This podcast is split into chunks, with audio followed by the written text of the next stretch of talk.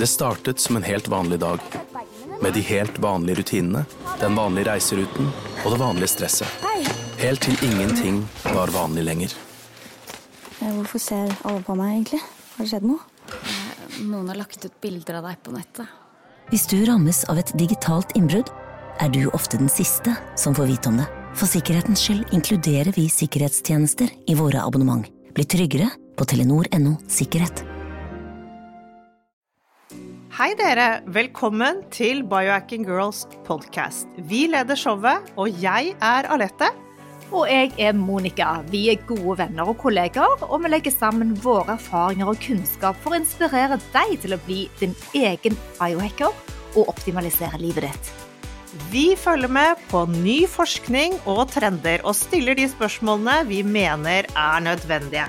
Ja, vi deler informasjon om biohacking, life coaching og fitness, og vi håper at du vil føle deg inspirert og klar til å ta et tak for å komme i den beste helsemessige form. Velkommen til Biohacking Girls podcast. Lavt stoffskifte, høyt stoffskifte, skjoldkjertelen, skjoldbrukskjertelen, tyroksin, T3, T4 regulerer dette stoffskiftet? Ja, jeg bare fortsetter, jeg, Monica. Hva med tyreoditt, skjoldkjertelbetennelse, fjerning av skjoldkjertelen? Her er det bare å holde tungen rett i munnen. Det er så mange og det er så vanskelige ord som vi har hørt mange ganger, men det er kanskje ikke sånn at vi helt forstår de. Dette er et tema som mange av dere lyttere har kontaktet oss om. Vi ønsker om at vi lager en podkast, så her kommer den! For i dag så tar vi et dypdykk i mange spørsmål knyttet til dette fantastiske hormonproduserende organet. Denne kjertelen er viktig for produksjon av hormonet tyroksin og trityronin. Disse to skal regulere stoffskiftet vårt, men kjerten produserer òg kalsitonin, som bidrar til å regulere blodets innhold av kalsium. Det er nok mange av oss som kjenner noen som sliter med skjoldbrukskjertelen og stoffskiftet sitt. Det er visst ikke så lett å finne ut av heller. Mange symptomer kan ligne på de man får ved andre helseplager også. Symptomer på forskjellige ymse i kroppen de sklir jo ofte litt over i hverandre. Selv har jeg en eh, svigermor med dette karakteristiske arret som går tvers under halsen. Det er sikkert mange som har sett det. Og nå snakket jeg med henne, og hun fortalte meg at det kommer av at hun hadde en svulst på skjoldbruskkjertelen sin, og på den ene siden, og måtte fjerne den. Og dette er kjempelenge siden, sikkert 40 år siden hun gjorde det. Jeg vet ikke om det er like vanlig nå, så hun må jo da gå på hormoner som hun må ta hver eneste dag for mangel av denne. Ja, utrolig interessant, og dette har vi mange spørsmål knyttet til. Og vår ekspert og gjest i ukens episode, hun heter Ragnhild Skari Luell, og hun er lege, og vi gleder oss veldig til å ta en prat med henne. Ja, Ragnhild Luell, eh, nei, hun heter IUL, er lege, yoga- og mindfulness-instruktør. Hun jobber på Balderklinikken, og du finner henne på Insta på Mindfulness-legen. Så vi ser at hun er veldig opptatt av dette med mindfulness òg, tilstedeværelse. Men Ragnhild studerte nå medisin i Oslo, og senere så tok hun sin tilleggsutdanning innen funksjonell medisin i USA. Så da skal vi bare ønske velkommen til Ragnhild. Ja, her sitter vi nå med deg, eh, Ragnhild. Du kaller deg for Mindfulness-legen på Instagram, men i dag så er tema stoffskifte. Men hva er du egentlig mest opptatt av for tiden? Ja, eh, det som jeg er veldig opptatt av er en helhetlig tilnærming til helse. Så sånn sett så er jeg både veldig opptatt av det med mindfulness, men også med lavt eh, stoffskifte, som jeg jobber veldig mye med. Så, men eh, jeg tenker at det er så veldig mange ting som vi kan gjøre for å påvirke helsen vår positivt. Det er både søvn, det er kost, det er fysisk aktivitet, stressmestring, medisiner, vitaminer, mineraler og ikke minst eh, relasjoner. Så egentlig er jeg interessert i veldig mange ting. Men du, du er både lege, du har jobbet som fastlege, og du har vært lege og forsker på Ullevål sykehus. Hva var det som gjorde at du ville over på den funksjonelle medisinske siden, og så havnet du på Balderklinikken? Hva var det som skjedde der? Det var en eh, stor eh, overgang, det fra sykehuset og forskning og over til eh, Balderklinikken. Noe av det var at jeg egentlig alltid har vært veldig engasjert og opptatt av dette her med en sånn helhetlig helsemodell. Og når jeg studerte, så var jeg så heldig å ha en professor i allmennmedisin som hjalp oss med å jobbe mye med det helhetlige perspektivet gjennom hele utdannelsen. Så jeg har vel alltid, selv om jeg har jobbet med indremedisin eller vært fastlege, eh, hatt med meg det perspektivet. Og det jeg så når vi var på sykehuset, så var vi jo veldig gode med akutting, men at kanskje noe av den helhetlige tilnærmingen, den fant jeg ikke i så stor grad på sykehuset. Og så fikk jeg tre barn, og da kom det inn også noe med å få til det her med å kombinere å være yrkesaktiv med å kunne ha et familieliv som var eh, levelig. Så det ble også en eh, viktig faktor. Dermed så hadde jeg alltid hørt om Balleklinikken og Bernt Rognlien, så da tok jeg kontakt med dem, og så spurte de om jeg ville begynne å jobbe der. Så nå har jeg vært der de siste 15 årene og syns jeg har veldig spennende dager med det. Ja, i dag så vil vi gjerne snakke litt om stoffskifte og skjoldbruskkjertelen. Kan ikke du begynne å forklare bare hvor på kroppen den sitter, og hva den gjør? Det gjør jeg gjerne. Skjoldbruskkjertelen den sitter som en sånn slags liten sommerfugl på halsen. Eh, og sjefen til skjoldbruskkjertelen den sitter midt eh, inne i hjernen. Det som skjoldbruskkjertelen gjør, er at den produserer hormoner eh, som påvirker alle cellene i kroppen vår. Så vi er veldig avhengig av skjoldbruskkjertelen for å kunne ha et bra energinivå. Så når eh, det skilles ut hormoner fra skjoldbruskkjertelen, så blir de frakta rundt omkring i kroppen alle veier. Noen går opp til hjernen, og noen går eh, til alle andre celler. Og så hjelper de til med både produksjon av energi, Eh, det er også veldig viktig for hjernen, sånn at eh, vi kan ha en god kognitiv funksjon. Så det med fokus, konsentrasjon, hukommelse er veldig viktig. Men den påvirker også muskulatur, nerveceller, det påvirker fordøyelsen vår, eh, hud, hår, vekt. Så det er utrolig mange funksjoner som eh, stoffskiftehormonet tyroksin eh, har. Vi hører jo stadig om lavt stoffskifte, høyt stoffskifte. Hva er forskjellen på dette, Ragnhild? Ja, det jeg Når jeg studerte, så tenkte jeg at jeg tror aldri jeg skal begynne å jobbe med stoffskifte, for det syns jeg var så vanskelig. For det er et eller annet ulogisk i forhold til hvordan blodprøvene er, og hva man kaller det.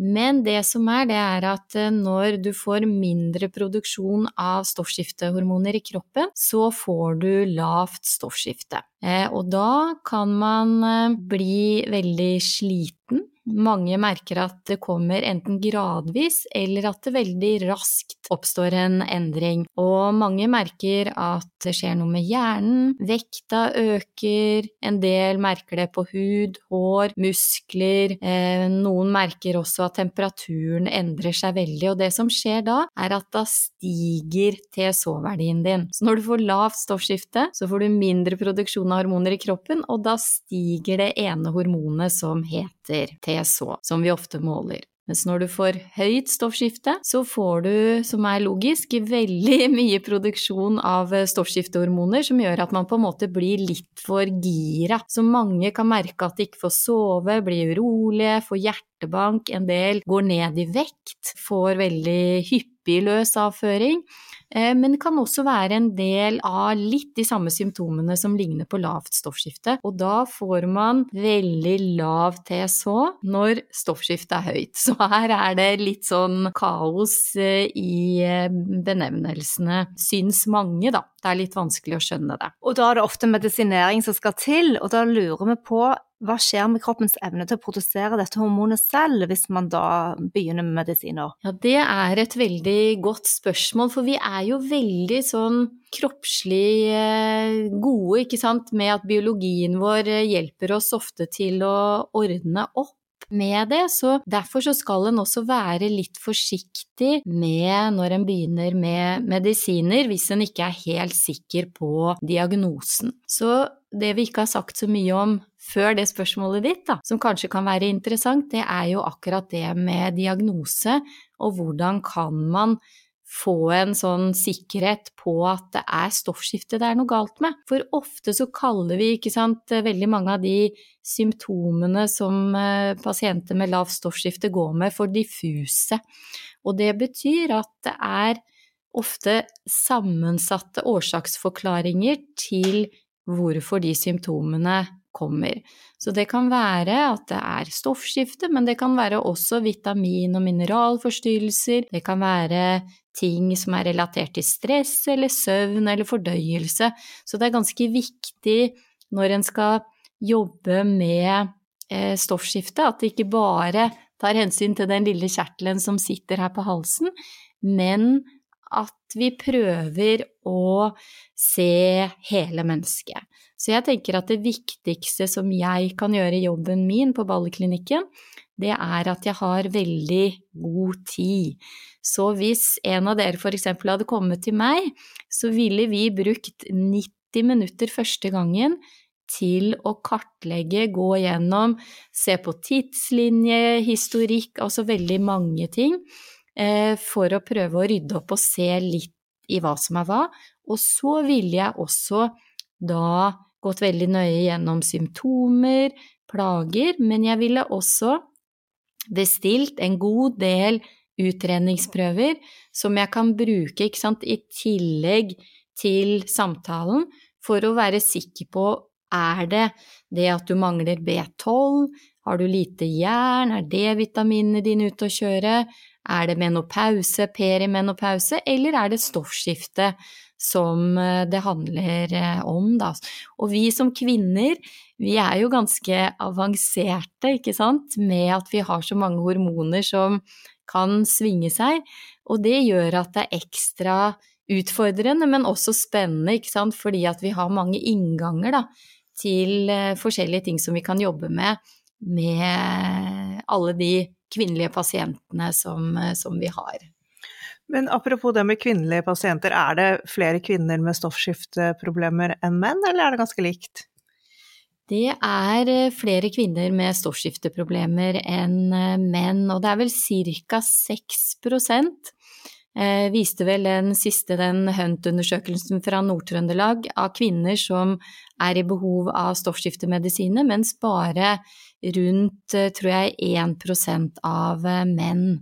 Så jeg har vesentlig nei, flere kvinner som kommer til meg eh, enn eh, menn. Men jeg har noen menn også med lavstoffskifter. Og vi føler også at det er veldig mange, faktisk, sånn rundt, rundt, Monica og meg, som sliter med dette med stoffskifte. Vi får masse spørsmål. Er det mer vanlig nå, eller er det ikke det? Det vet vi vel ikke helt uh, sikkert, for da må det jo ofte ikke sant, sånne veldig store studier til. Og den siste store som var gjort i, i Norge, var jo den i Nord-Trøndelag, den store Hunt-studien. og det, der holder det jo fortsatt på å se på materialet, og det er ikke kommet noe nytt etter det, så vi vet vel ikke helt uh, sikkert om det er uh, flere som er tilkommet. Men det vi vet, er at det ser jo ut som at det generelt er mer autoimmune sykdommer nå enn det det var for 20 år siden. Det vet vi. Så tilbake til det at det er flere kvinner, og, og, det at du snakker om at det er litt mer komplekse ting. Det er andre faktorer som spiller inn, så kan jo det ha sammenheng òg med autoimmune sykdommer. Men hvis vi, hvis vi skal gå tilbake til dette med å diagnostisere eller lese blodprøver. For vi snakker òg med både fastleger og flere som lytter på podkasten vår, at legen sier at alt er fint, og så får de kanskje alternative løsninger på andre private klinikker, sånn som du representerer på Balder. Hva skal man se etter, og hva er optimale nivå, og hvor går det galt når man vurderer disse? Ja, da skal jeg prøve å svare så godt jeg kan. Mange som kommer til meg da på Balderklinikken har allerede fått diagnose lavstoffskifte. Det er nok den største hovedgruppen. Og per nå så pleier det å være rimelig greit å få stilt diagnose fordi fastlegene tar eh, blodprøver, og da er det ganske tydelig med litt som vi snakka om i stad, det med at hvis du har lavt stoffskifte, så er TSH forhøya i forhold til normalområdene. Så for de aller fleste så er det rimelig greit å få diagnosen. Men så er jo det spørsmålet du stiller, det er jo da hvis man ligger litt i grenseland, da, ikke sant, som vi ofte kan kalle sånn gråsoneverdier, eller subklinisk hypotyreose. Og da kan det være sånn at TSH bare er litt for høya, og eh, T4 er normal. Og da kan det være at man kan gå videre med å sjekke autoimmune parametere, som betyr at man måler om det er betennelsesreaksjon i skjoldbruskkjertelen.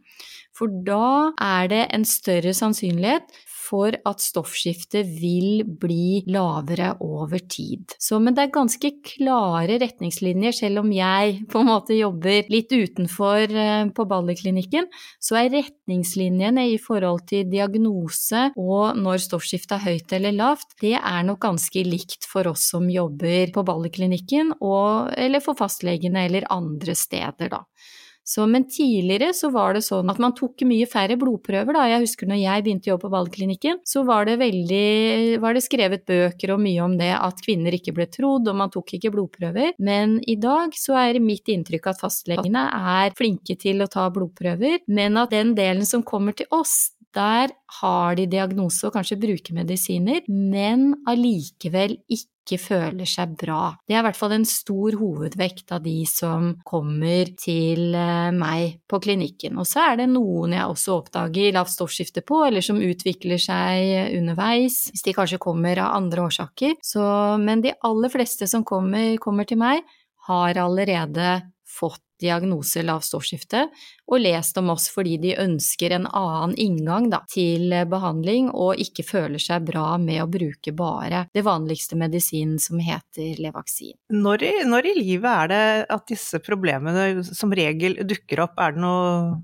er det noe fasit på det, eller kan det komme når som helst? Vi kvinner er jo ganske sånn avanserte hormonmessige, så det vi ser er at eh, overgangene da, hvor det skjer endringer i hormonene våre, sant, som er enten i eh, puberteten eller når vi får barn, eller overgang, eh, perimenopausen, menopausen, er de vanligste periodene hvor eh, lavt stoffskifte debuterer. Og det er jo sannsynligvis da, ikke sant, fordi det skjer endringer på hormonbalansen andre steder, som igjen gjør at det er lettere at en stoffskiftesykdom eh, debuterer. Da. Det andre som er litt interessant også, er jo at eh, når vi jobber en del med tidslinje og ser litt på debut av sykdom, så ser vi jo også at det kan være livshendelser, det kan være store belastninger som har ligget i forkant, som også ser ut til å kanskje ikke kunne nødvendigvis være årsaken til sykdommen,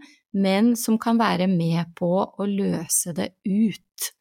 Så det er litt interessant, har jeg tenkt eh, mye på de årene jeg har jobbet, at veldig ofte så er det livshendelser eller ting i forkant, før kanskje ting eksploderer, som har vært med til, eh, til det der med å løse ting ut, eller å være triggere på en måte for sykdom. Ja, Det høres ut som de fleste autoimmune sykdommer òg, som ligger da og, og, vaker i oss lenge før det bryter ut. Men du, eh, nå har jeg så mye å lyst til å spørre deg om. Jeg må bare gå tilbake litt til dette med medisinering som vi snakket om, eh, eller du snakket om. Hva er typiske tegn på feilmedisinering, eller hva skjer i den personen som bruker medisiner når de ikke får det bra nok? Ja, eh, det som er ganske vanlig da, det er at Pasienten kommer til meg, og hun forteller at hun har lite energi. Føler at eh, hun har dårlig livskvalitet, rett og slett. Eh, forteller gjerne at eh, hukommelse, konsentrasjon, fokus er dårlig. Det kan være at man merker at det ikke fungerer på jobben, rett og slett. Hjernen blir veldig treg. Og så er det en del som forteller at de føler seg ikke nødvendigvis deprimerte, men akkurat som den psykiske, altså humøret, går ned noen hakk, da. Og det kaller vi ofte sentralnervesystemtriaden. Det er mindre energi, det er dårligere kognitiv funksjon, og det med at man føler seg litt mer nedstemt eller dårligere psykisk. En del har også vondter i kroppen, muskler, skjelett, og har også en sånn kuldefølelse er det mange som eh, beskriver veldig tydelig. Så rett og slett at disse tingene gjør at livskvaliteten ikke er bra. Og en del kommer når de er blitt sykemeldte, eller står i fare for å bli sykemeldte. Og da er det jo vi kan gå inn med å prøve da med en type helhetlig tilnærming, interesse kanskje, ikke sant, for diffuse plager, som vi har god tid til å gjøre, men som kanskje fastlegen ikke alltid har kapasitet eller mulighet til. Så mange som kommer til oss, de føler at de ikke blir sett eller møtt eller hørt, og kanskje at de er uinteressante, da, fordi dette på en måte er en kvinnesykdom, og at eh, dermed så, så er det også litt vanskelig å være fastlege, for det er ikke alltid man vet helt hva, hva skal jeg gjøre med dette. Men tilbake til eh, disse hormonene også. Kan ikke du bare gå litt sånn i dybden på T3 og T4? Jeg har ikke tungen helt rett i munnen på de forskjellige. Hva gjør hver av de? Ja, da skal jeg prøve å ha tunga rett i munnen, for det er ikke så lett. Det som er, det er at det vanligste hormonet som blir produsert i denne sommerfuglen, skjoldbruskkjertelen, det er eh, tyroksin. Og det virker rundt på alle cellene i kroppen, og det må også aktiveres til T3, eh, som er særlig viktig for, eh, for hjernen. Eh, og i en eh, vanlig skjoldbruskkjertel, så er det en viss mengde av det ene og det andre hormonet, T4 og T3. Mens når vi behandler og bare gir Levaksin eller Tyroksin, så inneholder det bare T4. Og for mange pasienter, de aller fleste, så fungerer det veldig bra, men det er en del pasienter da som får disse tre hovedgruppene av symptomer, mangel på energi, nedsatt kognitiv funksjon og føler seg litt eh, depressive, så ser det ut som at de har nytte av å få mer T3. Og da har vi da noen andre medisiner som vi kan legge til i tillegg til tyroksinen. Ja, det var eh, oppklarende. Men mm, jeg har en svigermor som har operert bort skjoldbrukskjertel. Er det vanlig nå, eller var det noe man gjorde mer før? Det er fortsatt eh, ganske vanlig. Så de vanligste årsakene til lavt stoffskifte, det er at det er nedsatt produksjon, at man får en betennelsesreaksjon i skjoldbruskkjertelen og får det som heter Hashimotos sykdom. Og så er det en god del som har først fått høyt stoffskifte, med hvor det er veldig overproduksjon, hvor man må jobbe med medisiner for å få det ned. Og noen ganger så blir ikke det så vellykka. Da kan det være at man behandler med radiojod og slår kjertelen ut. Og så kan det være noen som har struma eller knuter eller sånne ting i skjoldbruskkjertelen. Og da kan det være at man gjør en operasjon hvor man tar vekk deler eller hele skjoldbruskkjertelen, og det er også en vanlig årsak til lavt stoffskifte. Men når du har tatt den bort, hva er behandlingen da? For jeg har på følelsen at hun må gå på medisiner resten av livet. Ja, det er riktig, fordi at da tar du jo vekk, akkurat som hvis du tar vekk en arm eller noe, så er det ikke noe som kan erstatte den. Kroppen klarer ikke å, å gjøre det selv, og da bruker vi medisiner. Eh, for da får du lavt stoffskifte etter å ha tatt vekk skjoldbruskkjertelen, og så må du bruke medisiner for å på en måte få til en så, hva skal vi si, god balanse i stoffskiftehormonene som uh, mulig. Kan ikke du bare for ordens skyld forklare oss eh, litt om den autoimmune sykdommen Hashimoto, og hvordan den eventuelt oppdages, måles? Ja, den sykdommen, den, eh, da er det jo ofte sånn at den kommer til legen med en del diffuse plager. Noen har da lite energi, føler at eh, hjernen ikke funker, føler seg depressiv kanskje. Det kan være at man har plager med fordøyelse, økende vekt, og en del har også en del vondt i muskler og vondt eh, i, i kroppen kroppen. Og da, når du da kommer til legen, så vil legen ta og sjekke vanligvis i hvert fall TSH og fritt T4. Og noen leger tar også T3, men for å finne ut helt sikkert om det er Hashimoto, så må man da også måle noen sånne spesielle blodprøver som heter anti-TPO, som er et mål på om du har en betennelse i skjoldbruskkjertelen eller ikke. Så det er den vanligste måten å finne ut av om du har Hashimotos eh, eller ikke. Men hvordan får man denne betennelsen? Ja, det skulle jeg ønske at jeg kunne gi et godt svar på, men det er jo da en autoimmun betennelsesreaksjon da, som også kan komme andre steder i kroppen, og vi vet jo fortsatt ikke helt sikkert hvorfor det er en økende grad av autoimmune sykdommer i samfunnet, men sannsynligvis så kan jo det være en sammenheng med det og måten vi lever på, ikke sant. Og det kan jo være kjemiske påvirkninger, det kan være hormonpåvirkninger, det kan også eh, være samfunnet i det hele tatt, med mye stress. Eh, det kan være maten vi spiser, ikke sant. Altså her er det veldig mange faktorer, da, som vi tror kan medvirke til at eh, vi får flere autoimmune sykdommer i samfunnet. Men det blir spennende å se etter hvert om vi kan klare å nøste enda mer i det, og kanskje kunne funnet markører da, som kunne si noe mer om eh, hvorfor det er sånn. Men foreløpig så vet vi ikke hvorfor du får eh, Hashimotos. Du, vi er veldig opptatt av kosthold, og vi vet jo at på et vanlig medisinstudie så, så er det dessverre veldig lite ernæring på, på, menyen når det gjelder fagpensum, men du har jo studert da eh, funksjonell medisin i tillegg. Så hvor stor eh, del av din veiledning til eh, pasienter og, kunder har med mat og livsstilsendringer å gjøre, i tillegg til medisiner, da? Ja, jeg har blitt veldig overrasket over hvor mye det har å si med kosten. Så det hadde jeg ikke trodd. Jeg hadde jo jobbet både på Ullevål og som fastlege og aldri lært så veldig mye om mat. Så etter at jeg eh, har, sånn som du sier, hatt jobba mye med mer helhetlig tilnærming, så har jeg blitt veldig overraska over hvor mye maten har å si. Og noen ganger så er det bare helt fantastisk, nesten, at det går an ved å gjøre endringer, særlig hos de som har aller dårligst kosthold, så kan det være noen endringer som kan i veldig stor grad påvirke eh, livskvalitet og helse i det hele tatt. Så, så, jeg ville si at det med kost er en veldig stor del av den helhetlige tilnærmingen som eh, jeg gir til mine pasienter med f.eks. lavt stoffskifte. Men ser du da at pasienten din er endringsvillig? Er de ikke inne selv? Ja, det vil jeg si.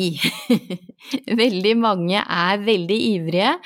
Og jeg syns jeg har altså så mange flotte fantastiske, ressurssterke damer som har lyst til å ha et godt liv. Altså, hvem har ikke det? Ikke sant? Altså, men så vet de ikke hvordan de skal gjøre det, og man søker på nett og prøver å finne måter å, å finne ut av ting på, men det er kjempevanskelig. og sånn som systemet er nå, så har jo fastlegen har begrensa med tid, og jeg tenker også kanskje begrensa med informasjon i forhold til også dette med kost, da. For det må vi ofte lære oss ved siden av hvis vi er interessert i det. Så, så derfor så vil jeg si at eh, de som kommer til meg er veldig ivrige og jobber veldig hardt for å få et eh, godt Eh, liv. Så hvordan kan man optimalisere stoffskiftet da, eller turid? Hvordan kan man hjelpe kroppen selv med mat og ja, supplementer som ikke er medisiner? Har du noen gode råd her? Ja, eh, det er to eh, mineraler som er særlig viktig for skjoldbruskkjertelen. Og det er fordi at de to mineralene er på en måte bensin for skjoldbruskkjertelen. Det ene er selen. Eh, og det pleier vi alltid å måle i blodprøver hos pasientene som kommer til oss. Eh, og der kan det å spise f.eks. paranøtter, spise fire til seks paranøtter daglig, kan hjelpe til å optimalisere nivået av selen. Det andre mineralet er jod. Og i tidligere tider så eh, var det mye av en sykdom som het struma, hvor du fikk en sånn stor skjoldbruskkjertel, og det var ofte på grunn av jodmangel. Sånn at eh, hvis vi har for lite jod, så kan det bidra til stoffskiftesykdom. Eh, og jod det kan måles også på en sånn 24 timers urinsamling som vi gjør mye hos oss, som vi sender inn til sykehuset, og da analyserer man om du har nok jod i urinen. Eh, og jod det finnes i meieriprodukter, men særlig i hvit fisk. Så det er i hvert fall to mineraler. Og så ville jeg tenke generelt om kosten, som vel gjelder for egentlig nesten om du er frisk eller eh, syk.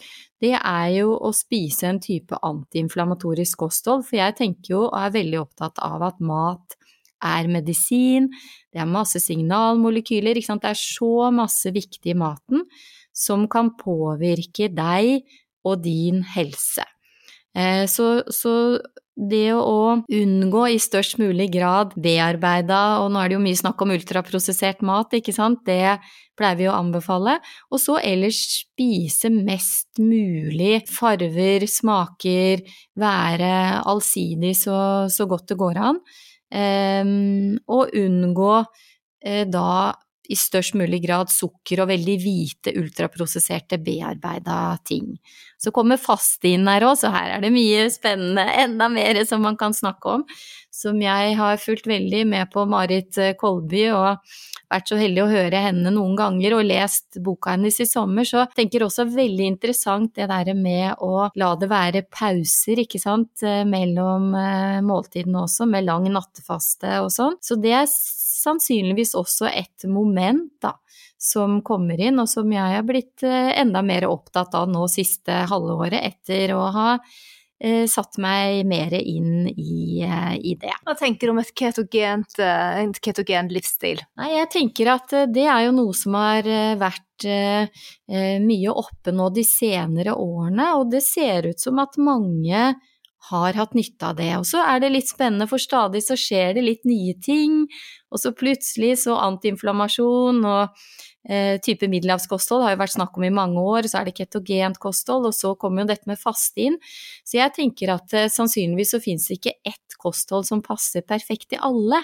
Men at det vi prøver å jobbe mye med, da, som jeg tenker er spennende, det er jo å tilpasse både eh, livsstil, mat til hver enkelt. Og så må en på en måte kanskje teste litt ut og prøve å finne litt ut av, sammen med terapeuten eller ernæringsfysiologen sin, hvilket kosthold som fungerer eh, best, eh, best for en selv. Da. Og så lurer jeg bare på dette med jodtilskudd. Eh, hva er en god dosering, og gjelder dette alle? Bør man teste det, eller er det en god regel å ta litt jod i vann? Jeg tenker at hvis du spiser lite hvit fisk, så er det stor sannsynlighet for at du trenger litt jodtilskudd.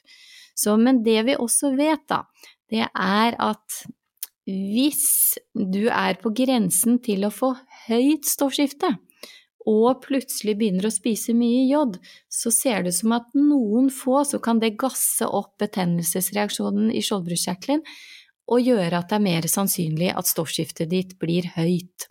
Og det er jo litt sånn med alle ting, ikke sant, at man skal være litt forsiktig også, så man ikke er uheldig og plutselig kommer andre veien. Så jeg tenker at eh, hvis du har det helt bra og ikke har noen spesielle plager, så vil jeg tenke at det første ville kanskje være for å passe på stoffskiftet ditt, det med paranøtter og prøve å spise hvitt fisk noen ganger i uka.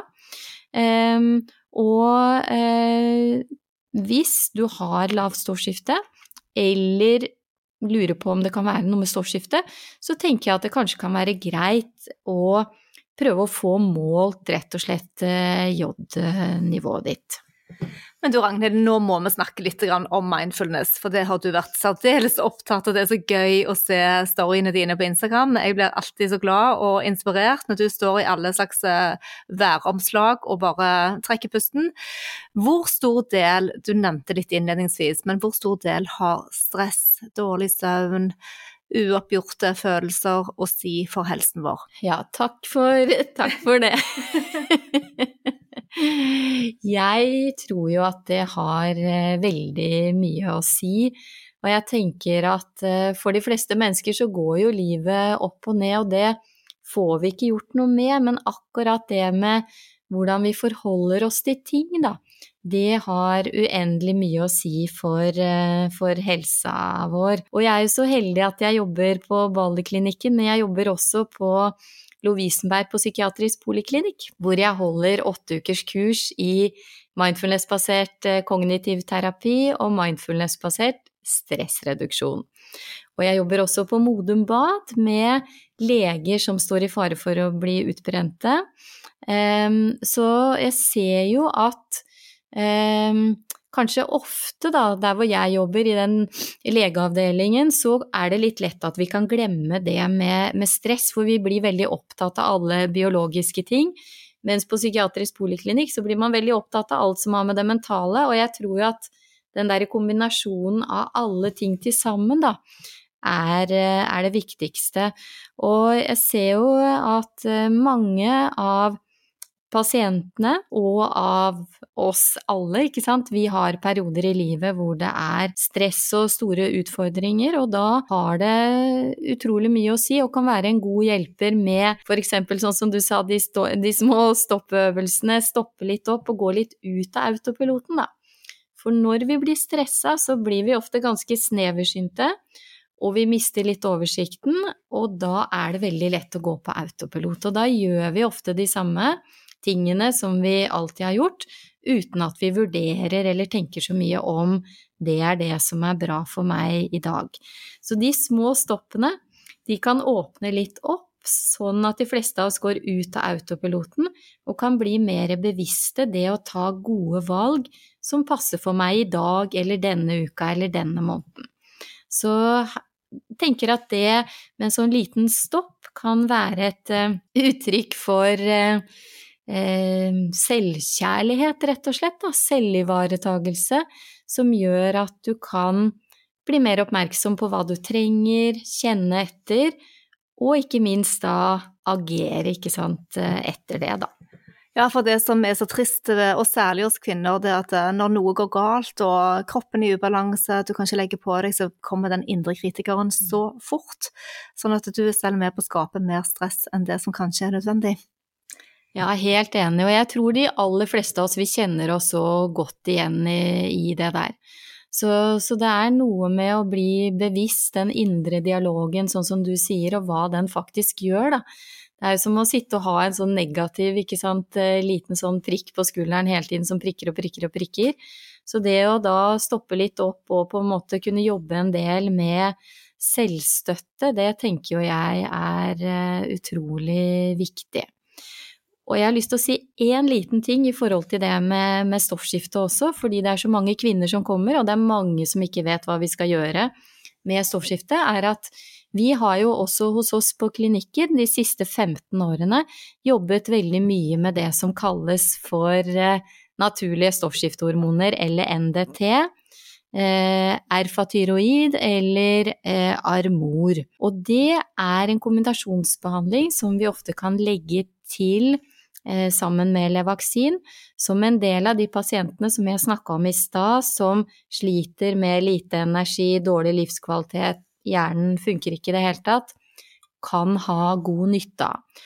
Og eh, min kliniske erfaring de siste 15 årene er at ganske mange som kommer til meg, får det bedre med en helhetlig tilnærming, hvorav ofte dette med naturlige stoffskiftehormoner er en del av utprøvingen. Og det betyr ikke nødvendigvis at du blir bedre, men en god del får det subjektivt bedre, og det virker som at det er en sammenheng med at hjernen da får mer av det ene av de to hormonene som heter T3. Så, så det er også en viktig ting da med kvinnesykdom, diffuse plager, fastlegen vet kanskje ikke hva han skal gjøre, eller hun, som eh, jeg har fått god erfaring med de siste årene. Ofte så er det noe ting som vi kan gjøre, og hvor disse bioidentiske hormonene kan være en del av løsningen. Så dette er jo helt fantastiske nyheter, at eh, bioidentiske hormoner kan hjelpe, og at det finnes i Norge, men det er kanskje litt dyrere, eller hva sier du Ragnhild? Ja, så det som er problemet med det, det er at eh, det går ikke an å få det på, på blå resept, fordi det er ikke gjort nok forskning på det.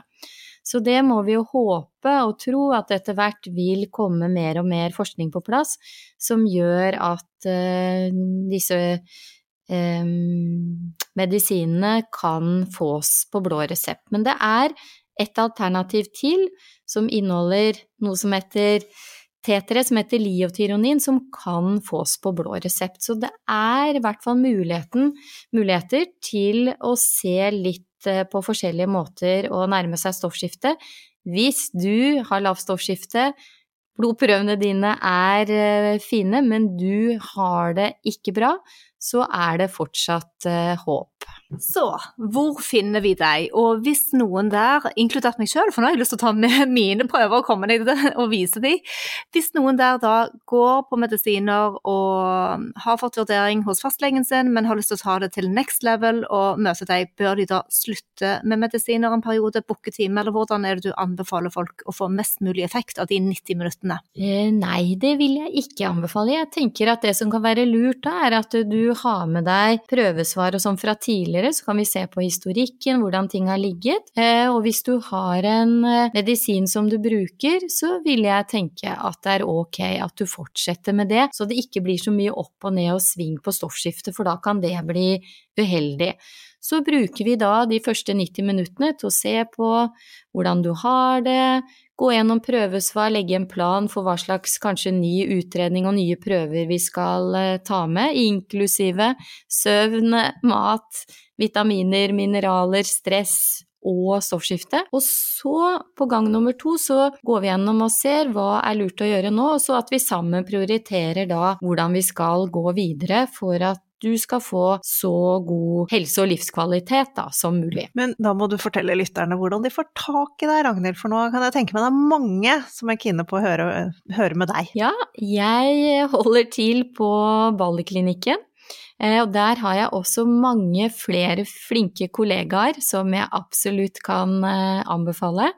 Um, så der, uh, der, kan du nå meg. Og så helt til slutt, har du noen uh, tips, hacks til oss om uh, hvordan vi kan optimalisere dette fantastiske hormonet sånn i dagliglivet? Hvordan kan vi leve for at ikke det skal skje så mye med det? Ja, da tenker jeg det som dere er veldig gode til, ja, det er å tenke helhetlig helse med være veldig nøye med det med å sove nok, tenker jeg er kjempeviktig. Eh, det er gjort masse forskning på meditasjon også, så det å sette av ti minutter hver dag til å meditere. Fysisk aktivitet er det tredje i den formen som eh, passer best for deg. Og så vil jeg si at det er viktig med maten og variasjon.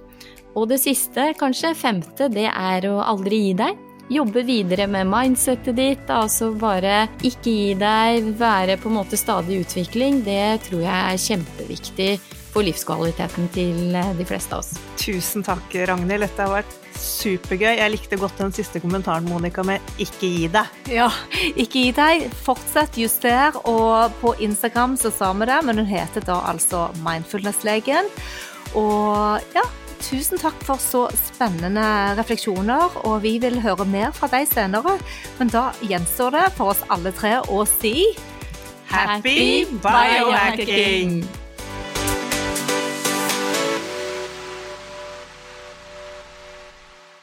Vi minner om at dere må snakke med egen lege eller kostholdsveileder om dietter og andre spørsmål relatert til medisiner og supplementer. Informasjon vi deler, kan ikke bli brukt til å diagnostisere, behandle, forebygge eller kurere noen sykdommer eller tilstander. På bussen, en helt vanlig torsdag, mottok Tore tilbudet som skulle forandre alt. En e-post, en lenke og en nettside med rabatter på det nye utstyret han egentlig ikke hadde råd til, men hadde så lyst på. Det eneste han rakk å tenke, var at dette var nesten litt for godt til å være sant. Og det var det det var. Over 70% av alle nye nettsider er svindelsider. For sikkerhetens skyld har alle Telenor-kunder sikkerhetsfiltre som blokkerer falske nettsider. Se hvordan du kan bli tryggere på telenor.no sikkerhet.